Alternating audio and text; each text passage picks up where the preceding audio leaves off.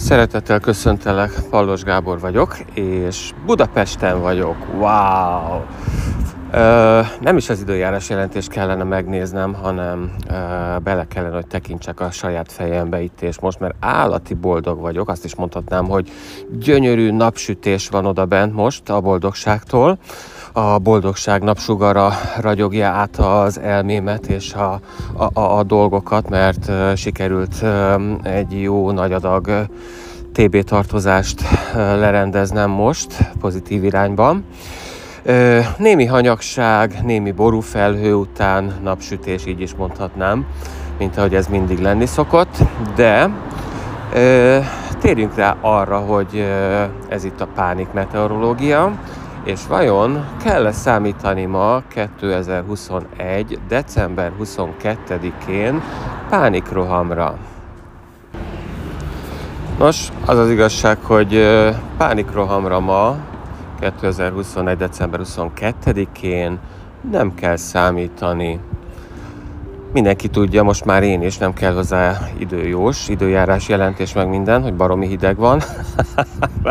Anglia után feltétlenül és um, azt is látom, hogy felhős, és azt is látom, és tudom, hogy a, a hidegfront már kelet felé vonult, ha minden igaz. Szóval lényeg az, hogy nincs fölöttünk se hidegfront jelenleg, melegfront azt megint csak lehet érezni, hogy nincs fölöttünk. Um, emlékszem nem olyan régen Kanári-szigeteki élményeimre. Hát a télből a nyárba, aztán nyárból vissza a télbe, szóval igen.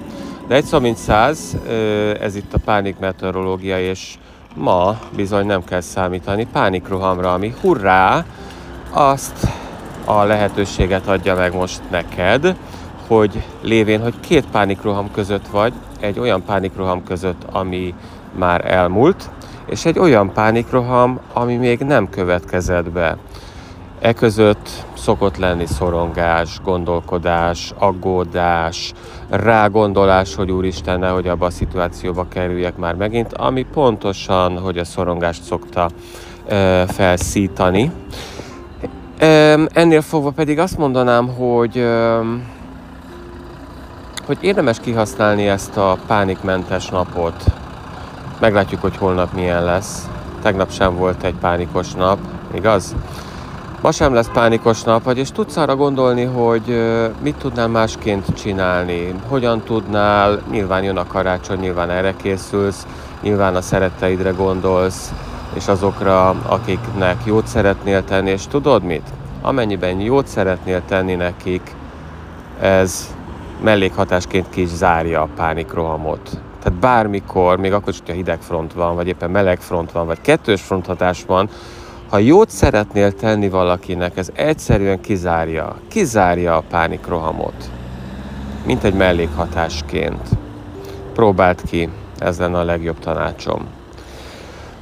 Oké, okay, ez volt a Pánik Meteorológia 2021. december 22-én.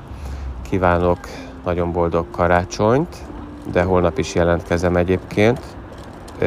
Természetesen visszavárlak. Kívánok tehát boldog karácsonyt, és holnap újra találkozunk. Szép napot! Szia!